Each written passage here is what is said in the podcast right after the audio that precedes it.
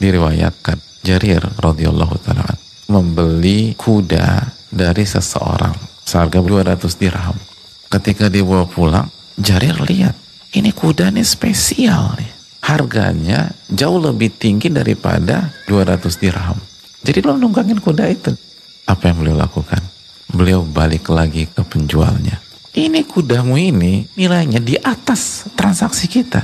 Lalu beliau kasih uang lagi buat penjualnya. Ketika pulang, dia tunggangin tuh kuda.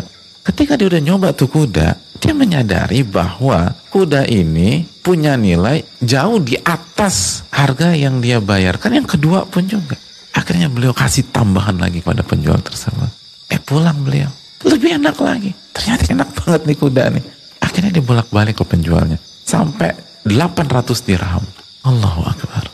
Dan beliau lakukan semata-mata karena beliau sudah berjanji dengan Rasulullah SAW untuk memberikan nasihat kepada setiap muslim.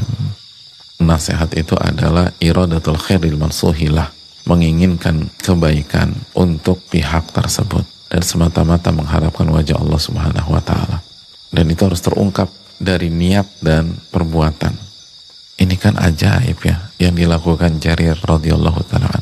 Itu kalau bukan karena tauhid yang kuat, yakin sama Allah, semuanya nggak sia-sia. Pasti Allah ganti.